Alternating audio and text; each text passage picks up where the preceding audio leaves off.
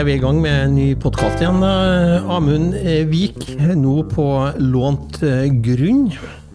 Det er vi. Vi har fått låne oss et studio av eh, Kruse Larsen i dag. Det skyldes jo at du er i Oslo på, på besøk, Tore, og at jeg for min del har en, en vasker i leiligheten min som skal hjelpe oss med å klargjøre den for, for salg, mens jeg har vært rundt og, gjort eh, ulike ærend i løpet av dagen. Ja, Det viser seg jo det at etter at du gikk av som statssekretær, så er det nesten umulig å få tak i deg, for du har så mye andre jern i ilden som du sikkert har dytta foran deg i en travel hverdag som statssekretær, og må ta igjen litt på hjemmebane.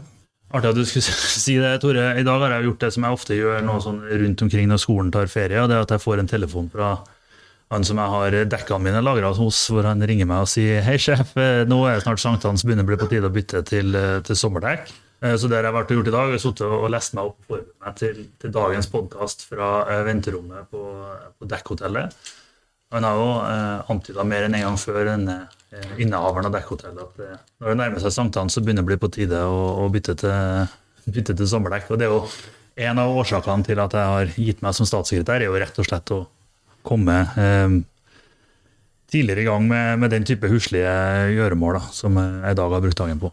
Ja, og um, du har jo lest opp på, på Spania, så vi skal snakke litt om det. Vi må jo introdusere eh, det vi har eh, lova i første podkast, om at vi skal snakke litt om Spania-valget, som er up and running.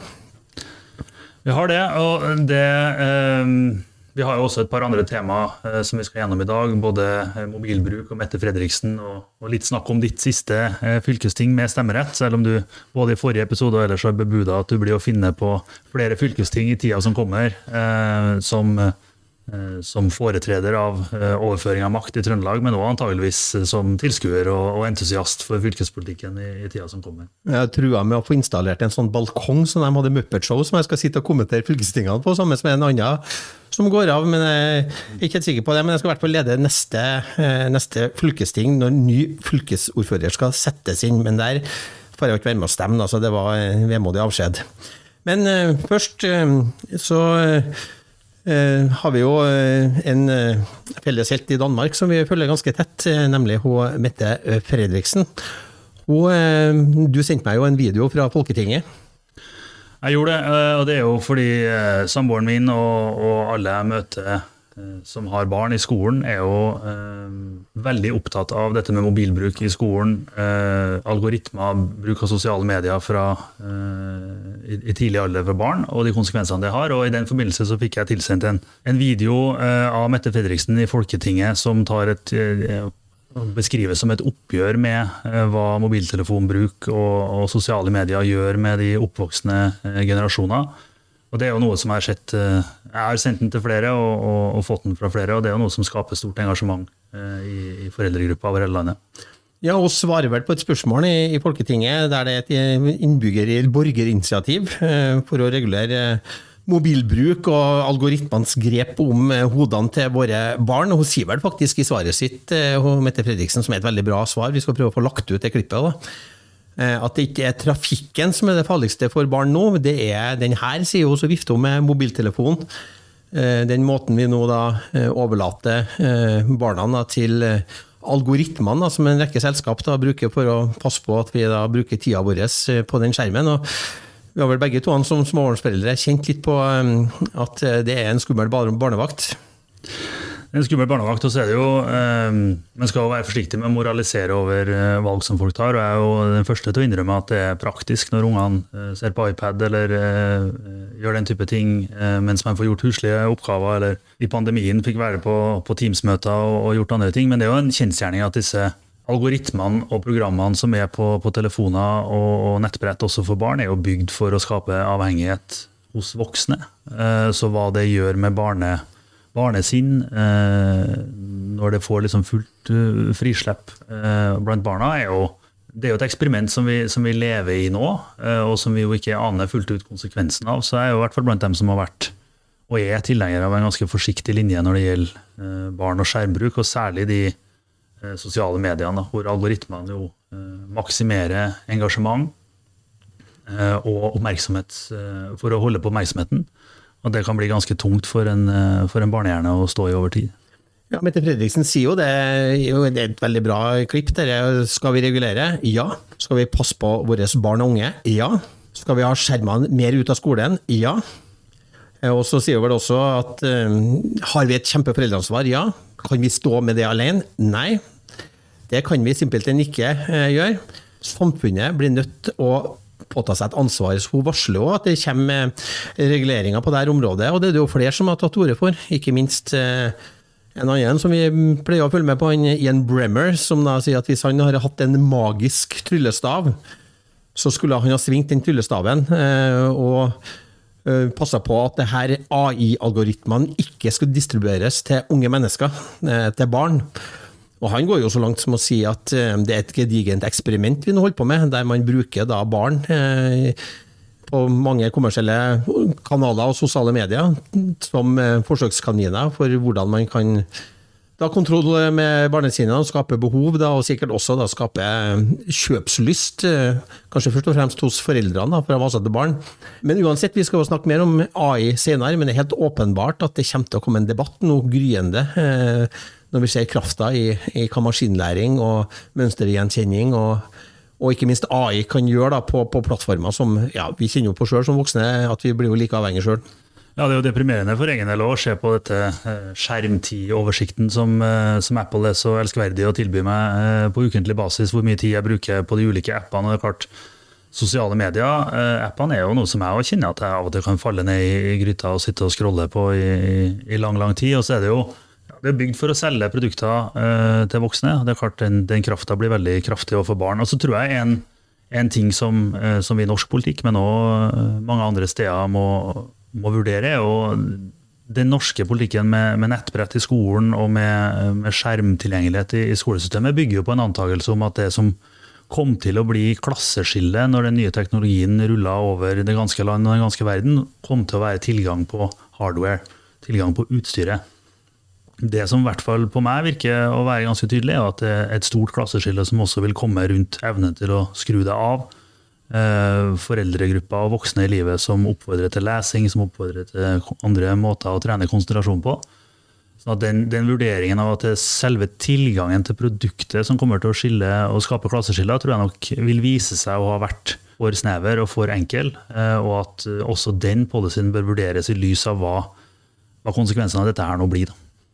Jeg har jo hørt noen podkaster det siste døgnet om eh, hvordan det her brukes også på, ja, på veldig, med veldig godt formål. Eh, man bruker det i, i forskning, da, for man kan da bruke mobilkamera og videokamera og andre ting for å, for å tracke da, øyebevegelser og eh, hvordan eh, ansiktsuttrykk du har. Man bruker det for å finne ut f.eks. om bilførere er i ferd med å ja, Om de er uoppmerksomme. Eh, man, flere psykologer sier at de ønsker å bruke det for å kunne teste ut ulike diagnosetyper og få mer opplysninger fra, eh, fra klienter de har. Det er klart at det er jo mye positivt i det, men man kan jo snu det. Da, da kan man jo finne ut at ja, hvis f.eks. TikTok eller andre da, bruker RR da, til å finne ut hvordan ansiktsuttrykk vi har, hvordan vi reagerer på ulike typer reklamer, Eh, hva det er som stimulerer oss, hva det er som skaper engasjement. Så kan man jo også dra det over i og nå skal vi prøve å dra en overgang til valg her, da, det vi snakka om så vidt sist.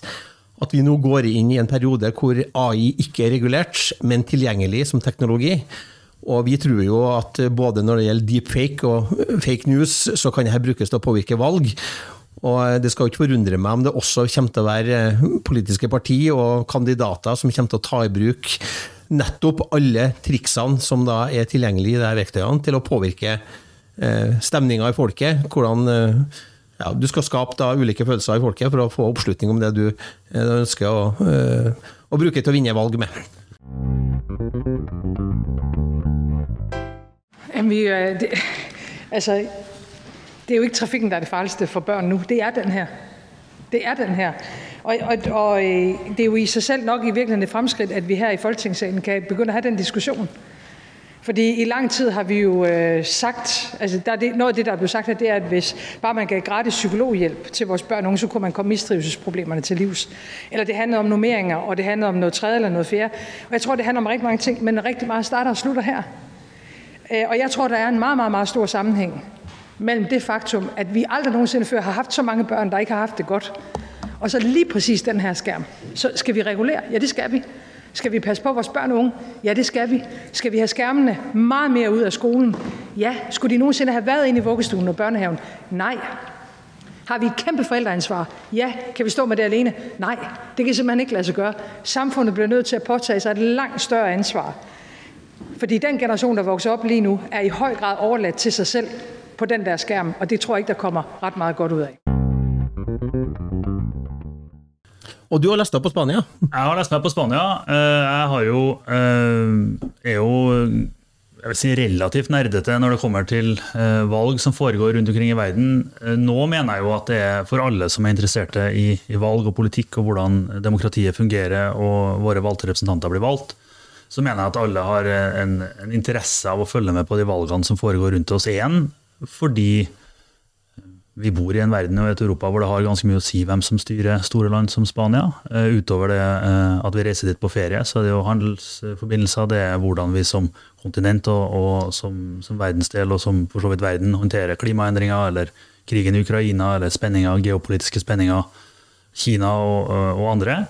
Men òg fordi, uh, som du var inne på nå, at metoden for hvordan man driver valgkamp og mulighetene til å manipulere eh, gjennomføring av valgkamp blir flere og flere, samtidig som reguleringene av den type atferd eh, i det minste henger litt, henger litt, etter og fokuserer kanskje på litt, eh, på litt, feil ting. Det har jo vært en stor diskusjon også i, i, i Norge og norske eh, medievirkeligheten om bruk av målretta annonser, f.eks., som, som en del av valgkamp. Uh, mens den diskusjonen som, som, vi burde hatt, i hvert fall mer, er jo hvordan algoritmene i seg selv, den organiske trafikken på disse plattformene, påvirker stemningen opp mot valg. Og det er jo der AI kommer inn eh, som en X-faktor, da, eh, som vi allerede som vi snakka litt om forrige gang, har sett på, en måte, på dette med fake news bre om seg i, USA. Men det andre er jo på en måte det volumet av innhold man kan produsere som en enkeltperson. Uh, med uriktig, med uriktig inngang, eh, og hva det kan brukes til da, å påvirke den organiske trafikken som foregår på disse, disse plattformene, eh, som kan gjøre mye for å påvirke stemningen mot valg. Det har jo vært en, en stor diskusjon i Norge om muligheten for, for, påvirkning av valg, i forbindelse både med valglovkommisjonen som la fram sin innstilling i forrige stortingsperiode, men òg diskusjoner i denne. Så Det blir jo en diskusjon nå framover. Men derfor så mener jeg også at det er viktig nå å følge med på hvordan det går i de ulike valgkampene rundt omkring i verden og se hva er det noe som skjer f.eks. i Spania 23.07. i år, som, som, vi må forberede oss på her i Norge. For det er klart, eh, Manipulering av valg er eh, hvis, det, hvis, det, først skjer, så er det veldig vanskelig å, å, gjøre om på. Det kan få veldig, veldig store eh, konsekvenser. Ofte så, Vi tenker jo ofte på det at det er noen som kommer inn og skal ta over og få valgt en type Trump-person, eller noen som er vennligsinna overfor en eller annen interesse. Men veldig ofte så handler dette bare om å spre kaos, eh, misnøye eh, og destabilisere, mye mer enn det handler om å sette en spesifikk retning inn. Men Tor, det er altså valg i Spania 23.07. Det skulle være innen utgangen av året. Det ble framskynda til 23.07 fordi eh, det har vært kommunevalg i Spania. Og det gikk ikke bra for sittende regjering. Eh, Sanchez, som sitter for, eh, for sosialdemokratiske eller sosialistiske partiet, eh, gikk på ordentlig, et ordentlig nederlag i det valget. Da er det vanlig som politiker å tenke at oi, shit, nå har vi det travelt med å få oppslutningen vår opp, stabilisere oss og, og sørge for at vi kan vinne valget som, som kommer om en stund. Det er utradisjonelt eh, å tenke utenfor boksen fra den spanske regjeringen og framskynde valget til en periode hvor man beviselig har dårlig oppslutning.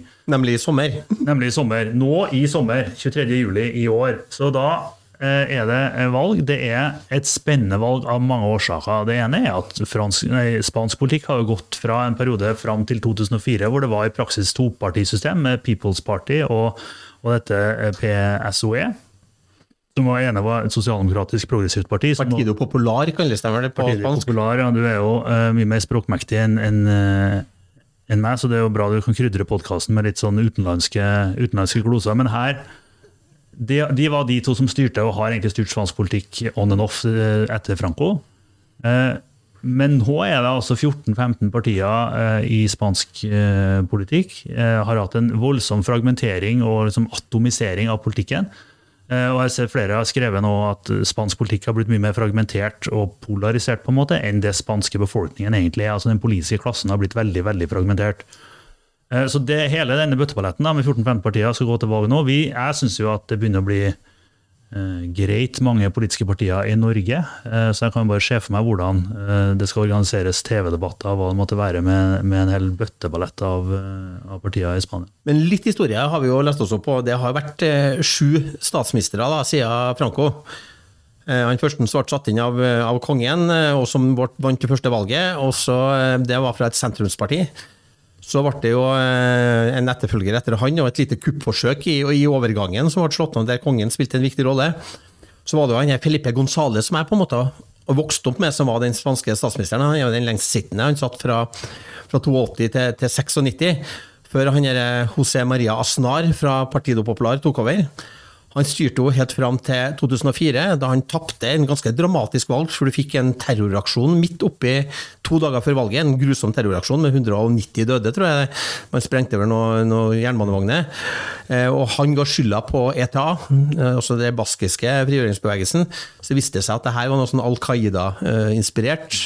Og han tapte valget eh, til han Zapatero fra Sosialistpartiet som da styrte fram til 2011. Da trakk han seg, og så tok Partido Popular igjen da, med han, eh, over med han Rahoy Rajoy. Eh, og han styrte vel fram til 2018, da han gikk på et mistillitsforslag pga. korrupsjonsskandaler i, i regjeringa. Da tok han Pedro Sánchez over og vant vel valget etterpå. Og han gjør sitt beste nå, da det har vært sju statsministre, gjør sitt beste nå for at det skal bli den åttende. Mm. fordi ja, han gikk på et valgnederlag i lokalvalget ganske kraftig med partiet sitt. Eh, og Han var også den første da, som eh, etablerte eh, koalisjonsregjering, for han fikk ikke nok flertall. Så det er koalisjonsregjering som nå går til valg. Hvordan går det da på målingene? Nei, På målingene nå eh, har jeg sittet og kosa meg litt de siste dagene med, med målinger eh, i Spania. Det er jo fascinerende, men du ser jo over tid, da, fra 2012 og framover, at det har vært to partier som stort sett har dominert i spansk politikk. og så har det kommet nye til. En av de nye som har kommet til, er jo dette Vox, som er et ytterliggående eh, ytre høyre-parti, og eh, noen ytre venstre-parti. Eh, en av grunnene til at Sanchez har vært kontroversiell, var at han eh, lovte jo på et tidspunkt å aldri samarbeide med Podemos, dette eh, ytterliggående venstrepartiet, og, og, og, kommunistpartiet, som vel er enda litt lenger ute. Men tok dem jo med i koalisjonsregjeringen, eh, da, dem som sitter nå. Så det har vært et, et, et uttrykk for noen kontroverser. Men det er klart eh, PSOE sitt, har jo hatt flertall på målingene egentlig fra som du sa i 2018-2019 og fram til eh, 2021, altså inn i pandemien, hvor da People's Party har, har gått forbi og har holdt, liksom, med unntak av noen perioder, en, en stabil ledelse. Men det er jo, dem òg er jo en situasjon hvor det er vanskelig å se for seg at de får, eh, at de får eh, rent flertall eller mulighet til å danne eh, en regjering alene.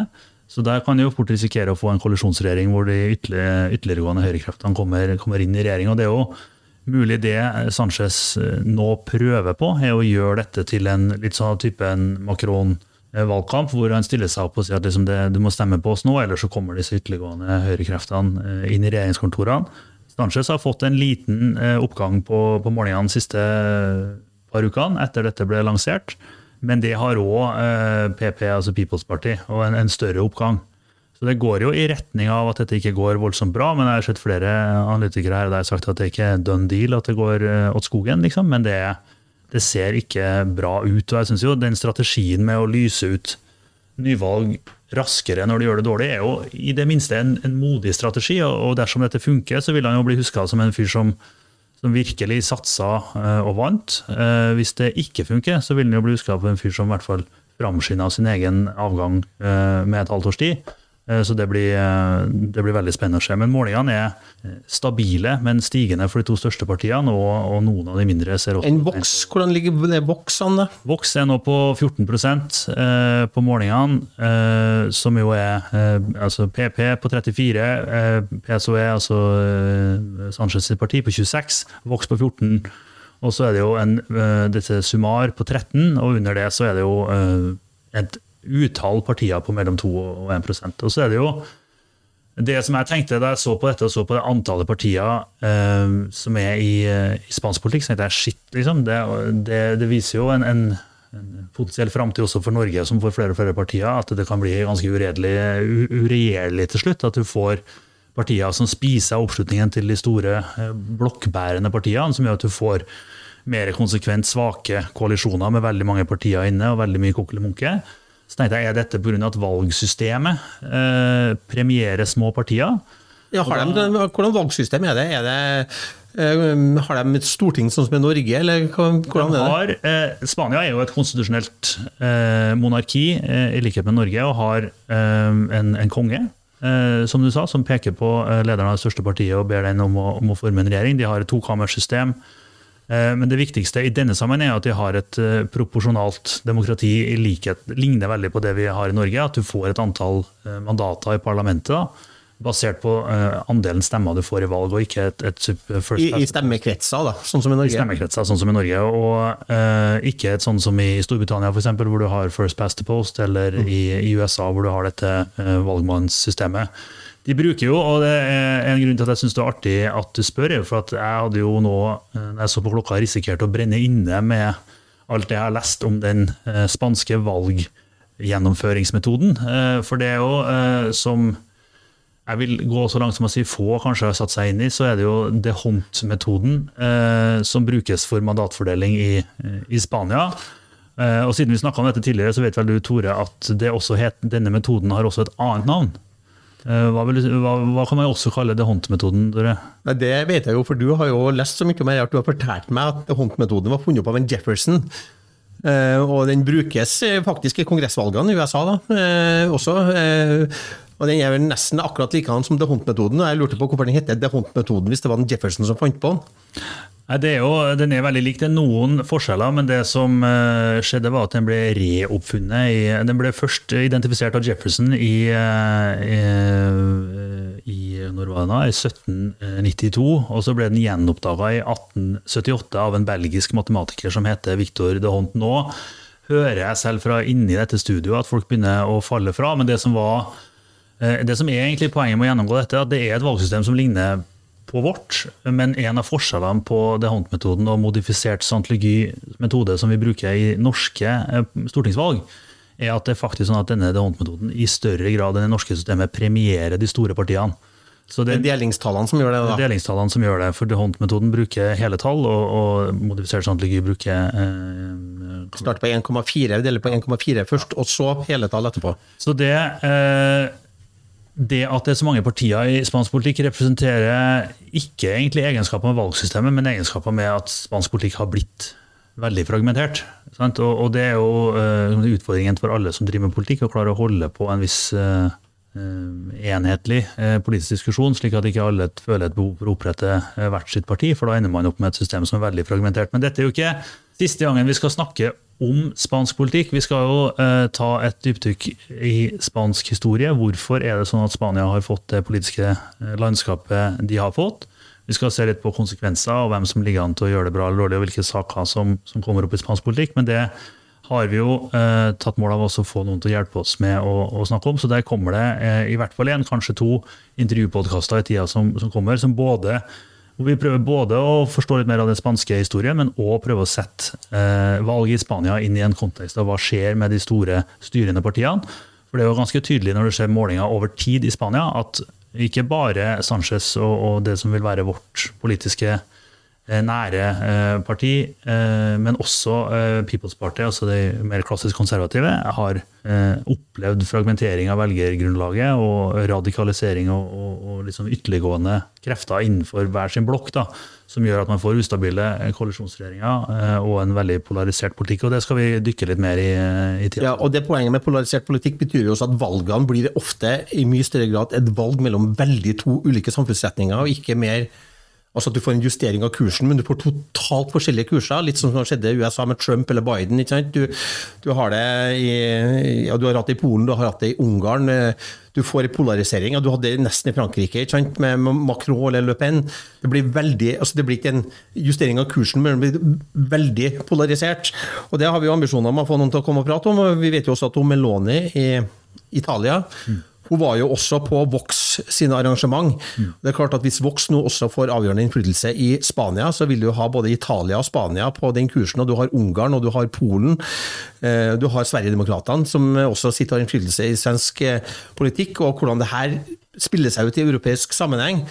Det vil jo eh, være interessant å lukte litt mer på, men det skal vi få noen til å komme og snakke om, er det som er ambisjonen. Ja, vi har også, bare for å nevne det, det valget i, i, i Slovakia eh, i september, hvor det også er eh, tydelig polarisering, og hvor du der vel, eh, om jeg ikke tar helt feil, også har en ganske pro-russisk eh, kandidat som, eh, som, ligger forholdsvis godt an akkurat nå. Så det er jo, Dette er et mønster som, som gjentar seg eh, sted etter sted, og en av ambisjonene med denne podkasten er å klare å, å, belyse litt av det som ikke så ofte dekkes i, i norske aviser. Men dette er er jo tema som vi kommer tilbake til, eh, og ikke minst det nevnte valget i USA, hvor det nå begynner å sparke i gang med, med primary-valg. Eh, hvor det er mulighet for, å, for, oss og for oss å komme inn på dette Amerika-ekspertsporet som, som norsk Twitter og offentlighet eh, penser inn på nå når året lir mot, mot slutt. Vi må finne oss en nisje. Vi må finne oss en nisje, men det er klart det er ingenting som tyder på at det er fullt av, eh, av, av amerikaeksperter, selv om det er norsk Twitter nå penser mellom å ha vært eh, eksperter på pandemi i noen år, og så har alle som har vært ekspert på strømpriser og energipolitikk nå i, en god periode. Og nå eh, nærmer det seg steppevandringen over norsk Twitter, hvor folk går fra å være eksperter på energi og andre tema og over til, til amerikansk politikk som en slags annethvert år eh.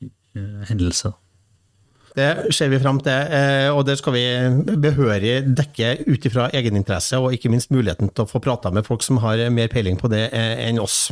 Så har jeg hatt eh, mitt siste fylkesting med stemmerett. Det var vemodig, og veldig mange fine ord fra politiske motstandere. Faktisk så, så mange gode ord at jeg vurderte om jeg rett og slett skulle ta gjenvalg.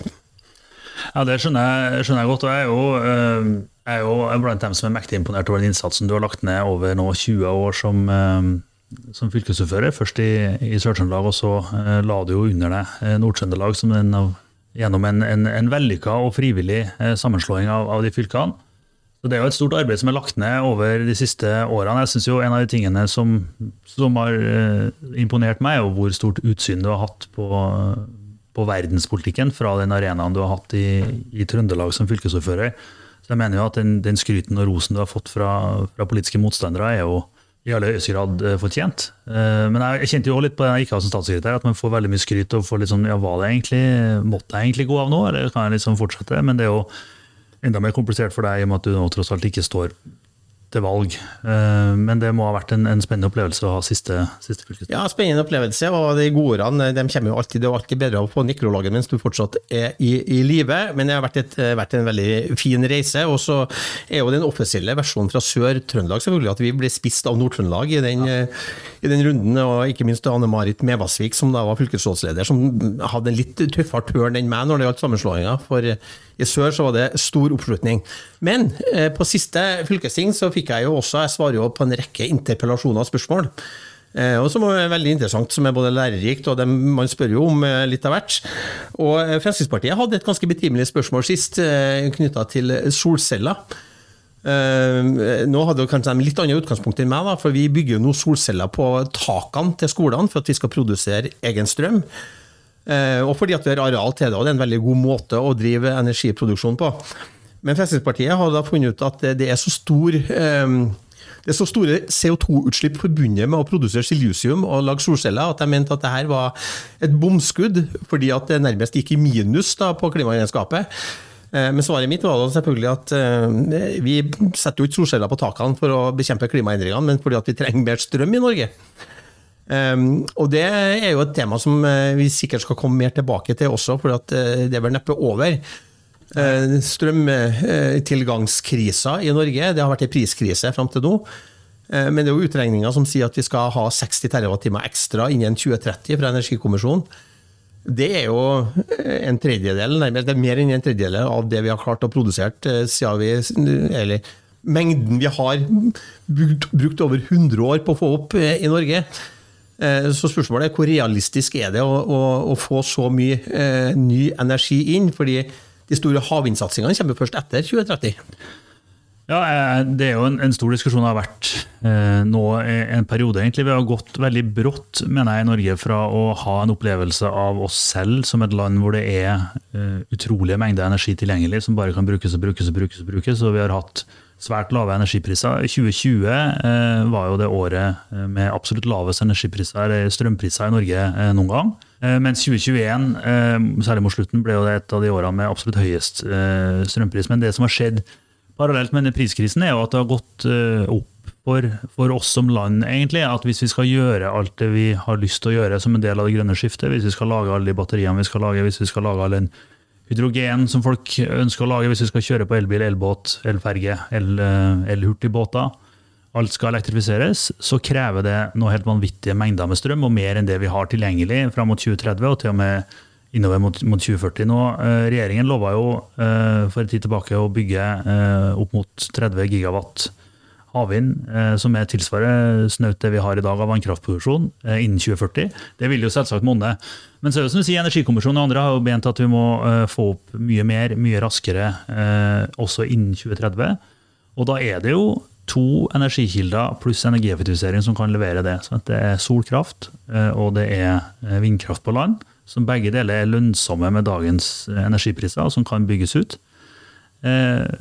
Eh, men da har du jo eh, arealproblemer. Sant? En stor diskusjon som vi sikkert kommer tilbake til på denne podkasten og, og, i andre sammenhenger, er jo arealbruksavklaringa rundt vindkraft på land har jo vært hyperkontroversielt. Og ingenting tyder på at det er blitt mindre kontroversielt de siste par årene. Men når det gjelder solkraft, så er det jo Eh, det er forferdelig mye tak i Norge. Det er forferdelig mange tak i, i, næringseiendommer som kan brukes til å produsere solkraft i ganske stort volum. Så en av de tingene som jeg mener eh, myndighetene må, må, se på, eh, og som man ser på i en viss grad i dag, men som man kanskje må se mer på, er hvordan klarer man å utløse mer bruk av solkraft på de takarealene som finnes i offentlighetens eie, men òg egentlig privat næringseiendom for å produsere strøm til, til det. er vel også bra fordi at du ikke trenger nett i samme grad, og nett er jo også en utfordring å få bygd nok nett. Mm. Hvis du kan bruke strømmer mer lokalt, så demper du litt etterspørselen på nett også. Det er klart du gjør det, eh, og, og, det er litt sånn alle monner drar. Og, og, solkraft, i hvert fall for, for, profesjonelle investorer og for offentlig sektor som byggherre og andre tyngre aktører, så er det jo dette noe som betaler seg over prosjektets levetid gjennom reduserte energikostnader, og som avlaster nettet. Samme for så vidt med fjernvarme og andre ting som på en måte tar ned strømforbruket, som ja, frigjør strøm til, til andre. Men det er klart, øh, hvis alle gjør det, så vil du jo også ha behov for nett. og Du kommer på en måte ikke rundt den problemstillingen at skal du bygge mer fornybar energi, eller forbruke fornybar energi i større skala på nye steder, så må det bygges nett. Så vi er jo ikke ferdig på langt nær med vanskelige arealdiskusjoner når det gjelder både nett og produksjon av elektrisitet. og det er jo liksom til det spørsmålet du stilte om, Er det realistisk å få dette opp? Eh, så, så er jo svaret på det at det er klart det er realistisk å få det opp så framt vi er villige til å prioritere det over, andre, over ulike andre ting. Ja. Eh, og Hvis du har tenkt å gjøre dette uten å ta noen valg, så går det ikke. Eh, men eh, vi, klart vi kan prioritere utbygging av nett og, og, produksjon over eventuelle andre ting, og da vil vi kanskje kunne få det til. Men det, ting tar tid da, i energipolitikken. Jeg tror En av de tingene som, som verden egentlig har oppdaga de siste par årene, er jo at energipolitikk på kort sikt er ekstremt vanskelig. Ja, og så skaper det også en del dilemmaer. som du sier. En ting er at vi også har en naturkrise, så vi skal ta vare på naturen. Men så er det også at det å få til et grønt skifte krever jo også, som Frp da påpekte i, mitt, i spørsmålet til meg, det krever også energibruk å legge til rette for det grønne skiftet, og ikke minst utslipp. Mm. Jeg sjekka jo bare det å bygge vi hadde, Jeg tror det var Rosten kraftstasjon. Jeg tror man fant ut det var 5500 kubikk med betong. Eh, og For å produsere det så må du slippe ut eh, ja, over en million tonn med CO2 for å produsere den betongen. For det er ofte vi ikke tenker på energipolitikken, er at eh, vi bruker masse energi for å lage stål, som vi må ha når vi skal bygge vindmøller. Du trenger, du trenger kobber inni her, du trenger betong og sement, ikke minst. Du trenger massevis av plast. Eh, og du trenger silisium for å få de her systemene til å fungere. Og De dilemmaene kommer vi til å stå opp i, og vi kommer også til å stå opp i dem fordi at Kina i så stor grad kontrollerer de verdikjedene som går på, på det som er fornybar da, teknologi knytta til både digitalisering, men også kontrollerer de jo kobberverdikjedene. De har kontroll på, på kobolt, eh, selv om det utvinnes i veldig stor grad i, i Kongo og en rekke sjeldne jordmetaller. Så de dilemmaene tror jeg vi skal komme tilbake til, for det skaper spenninger i verden. Og det gjør også at eh, når Europa nå har oppdaga at man ikke må gjøre seg gjensidig avhengig av eh, en energileverandør som Russland, så er vi på full fart inn i en geopolitisk situasjon der vi er nokså avhengig av Kina i det grønne skiftet. Og det skaper spenninger også sikkerhetspolitisk eh, og for verdensøkonomien som vi må ta inn over oss.